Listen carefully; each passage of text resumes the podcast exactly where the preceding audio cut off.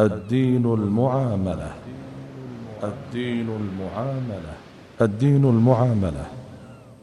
برنامج يبين المنهج الشرعي في تعامل الناس مع بعضهم. البرنامج من إعداد وتقديم فضيلة الشيخ الدكتور عبد العزيز بن فوزان الفوزان. البرنامج من تنفيذ عبد المحسن العنزي. بسم الله الرحمن الرحيم. الحمد لله رب العالمين والصلاة والسلام على عبده ورسوله نبينا محمد وعلى آله وصحبه أجمعين. أحبتي, أحبتي في الله سلام الله عليكم ورحمته وبركاته. تحدثت إليكم في حلقة ماضية عن أن الابتلاء سنة إلهية وأن الله عز وجل إنما خلق الخلق كلهم للابتلاء والاختبار. وأن الإنسان مبتلى بكل ما يلابسه ويواجهه في هذا الكون من خير وشر ونعماء وضراء وزين وشين ومحبوب ومكروه. وحديث اليوم عن صورة من أعظم صور الابتلاء وأكثرها تكررا وملابسة للإنسان ألا وهي ابتلاء الخلق بعضهم ببعض. قال الله عز وجل وجعلنا بعضكم لبعض فتنة أتصبرون وكان ربك بصيرا. وقال سبحانه وكذلك فتنا بعضهم ببعض. وقال واعلموا أنما أموالكم وأولادكم فتنة وأن الله عنده أجر عظيم. وقال سبحانه ولو يشاء الله لانتصر منهم ولكن ليبلو بعضكم ببعض. فبين ربنا عز وجل أنه امتحن العباد بعضهم ببعض وجعل بعضهم لبعض فتنة.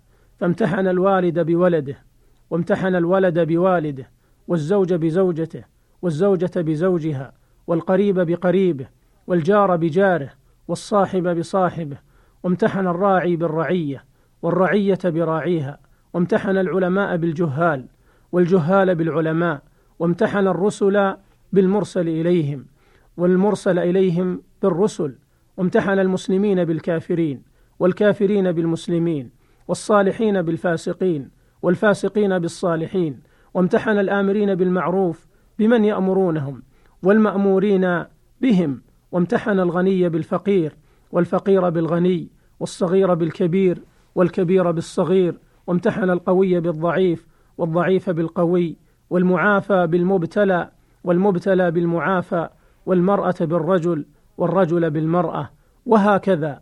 فكل صنف من البشر مبتلى بمن يقابله وممتحن ومختبر بمن يعامله ويلابسه ويخالطه. هل يقوم بحقوقه ويؤدي واجباته ويحسن معاملته وينصح له ويكف الأذى عنه ويتقي الله تعالى فيه أم أنه يظلمه ويهضمه أو يحسده ويبغضه أو يحقره ويتجاهله أو يخذله ويسلمه أو يشق عليه ويحزنه أو ينتهك حرماته أو يقصر في القيام بحقوقه وواجباته. فقوله عز وجل وجعلنا بعضكم لبعض فتنة عام في جميع الخلق امتحن بعضهم ببعض فامتحن الرسل بالمرسل إليهم ودعوتهم إلى الحق ومجاهدتهم عليه والنصح لهم والحرص على هدايتهم والصبر على أذاهم وتحمل المشاق في تبليغهم رسالات ربهم. كما امتحن المرسل إليهم من عامة الناس. بهؤلاء الرسل الكرام هل يطيعونهم ويصدقونهم أو يعاندونهم ويكذبونهم؟ وهل ينصرونهم ويعزرونهم أم يخذلونهم ويقاتلونهم؟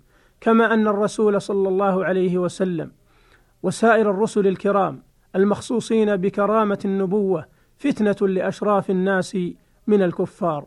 ألا ترون إلى قوله عز وجل عن رسولنا الكريم صلى الله عليه وسلم وقالوا لولا نزل هذا القرآن على رجل من القريتين عظيم.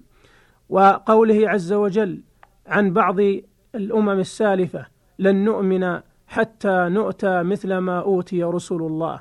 وقال عز وجل في الحديث القدسي لرسوله صلى الله عليه وسلم إنما بعثتك لأبتليك وأبتلي بك. والحديث رواه الإمام مسلم. وقل مثل ذلك في امتحان العلماء بالجهال هل ينصحون لهم ويعلمونهم ويرفقون بهم ويصبرون على نصحهم وتعليمهم ويحلون مشكلاتهم ويدافعون عن مصالحهم ويطالبون بحقوقهم أم يتخلون عن واجبهم تجاههم ويقصرون في القيام بحقوقهم عليهم؟ كما أن أنهم كما أنه امتحن الجهال بالعلماء أيطيعونهم ويهتدون بهم ويعرفون قدرهم ويوقرونهم ويتعاونون معهم على البر والتقوى أم يغمطونهم حقوقهم ويسيئون في معاملتهم ويقعدون عن نصرتهم وإعانتهم. كما أنه عز وجل امتحن الوالد بولده من ذكر وأنثى. ومدى قيام هذا الوالد بمسؤولية إعداد الأولاد وحسن تربيتهم وأمانة تعاهدهم ورعايتهم والحرص على إصلاحهم وهدايتهم وضرب القدوة الصالحة لهم بأخلاقه وحسن تعامله معهم كما أنه امتحن الأولاد بوالديهم ومدى برهم بهم وإكرامهم لهم وتواضعهم معهم وخفضهم الجناح لهم وخدمتهم وطاعتهم بالمعروف ومقابلة عظيم فضلهم بجميل صلتهم وشكرهم ومجازاتهم على إحسانهم بالإحسان إليهم بكل قول بكل قول لطيف وفعل شريف. وكذلك الحال في امتحان القريب بقريبه والجار بجاره والصاحب بصاحبه والزوج بزوجه والزوجة بزوجها وغيرهم من سائر الخلق على اختلاف طبقاتهم وتباين أعمالهم وأخلاقهم. ومن ذلك أن الفقير يقول لم لم أكن مثل الغني؟ ويقول الضعيف هلا كنت مثل القوي؟ ويقول المبتلى ألا كنت مثل المعافى ويقول الأعمى ليتني كنت بصيرا كهؤلاء المبصرين وهكذا كل مبتلى بآفة أو نقص ممتحن بمن يقابله من أهل النعمة والعافية ألا يحسده ويستكثر نعمة الله عليه ولا يأخذ منه شيئا إلا برضاه وطيبة من نفسه وأن يرضى بما قدر الله عز وجل عليه وقسم له وصاحب العافية أيضا مبتلا بهؤلاء. بهؤلاء المبتلين بسائر الآفات الا يسخر من أحد منهم ويحتقره وأن يرحمه ويواسيه وأن يشكر ربه على نعمة السلامة والعافية. وفقراء المؤمنين وضعفاؤهم من أتباع الرسل كانوا فتنة لسادة القوم وكبراء الملأ امتنعوا من الإيمان مع تبين الحق لهم احتقارا لهؤلاء الأتباع وترفعا عنهم وقالوا كما حكى الله عنهم لو كان خيرا ما سبقونا إليه. وقالوا لنوح عليه السلام أنؤمن لك واتبعك الأرذلون؟ ولذا قال ربنا تبارك وتعالى وكذلك فتنا بعضهم ببعض ليقولوا أهؤلاء من الله عليهم من بيننا. فكان الواحد منهم يسخر من هؤلاء الضعفاء ويأنف أن يسلم فيكون هو وإياهم على حد سواء وربما امتنع أحدهم من الإسلام لأن هذا الفقير أسلم قبله وصارت له السابقة في الفضل عليه. وقد بين الله تعالى في حال الفريقين في الدنيا وما يؤول إليه أمرهم في الآخرة فقال إنه كان فريق من عبادي يقولون ربنا آمنا فاغفر لنا وارحمنا وأنت خير الراحمين فاتخذتموهم سخريا حتى أنسوكم ذكري وكنتم منهم تضحكون. إني جزيتهم اليوم بما صبروا أنهم هم الفائزون. فقد فاز هؤلاء المؤمنون الضعفاء لأنهم صبروا أنفسهم على طاعة الله ونجحوا في الابتلاء وخسر أولئك لأنهم عصوا الله تعالى واستكبروا عن طاعته ولم يصبروا أنفسهم على الحق الذي اختبرهم الله وامتحنهم به. ولهذا قال في الآية السابقة أتصبرون وكان ربك بصيرا. وهذا استفهام بمعنى الأمر أي اصبروا اصبروا على الحق لكي تنجحوا في الابتلاء وتفوزوا في الدنيا والآخرة. ثم ذين الآية بقوله وكان ربك بصيرا أي بأعمالكم ومواقفكم تجاه هذه الفتنة وذلك الابتلاء. ليجزي الذين أساءوا بما عملوا ويجزي الذين أحسنوا بالحسنى.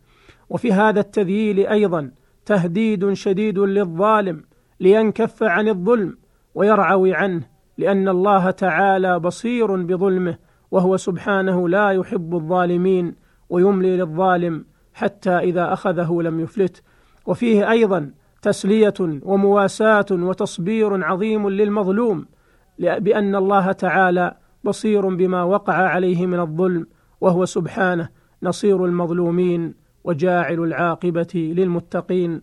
نسأل الله تعالى ألا يجعلنا مع القوم الظالمين وإلى لقاء قادم بإذن الله. أستودعكم الله. والسلام عليكم ورحمة الله وبركاته.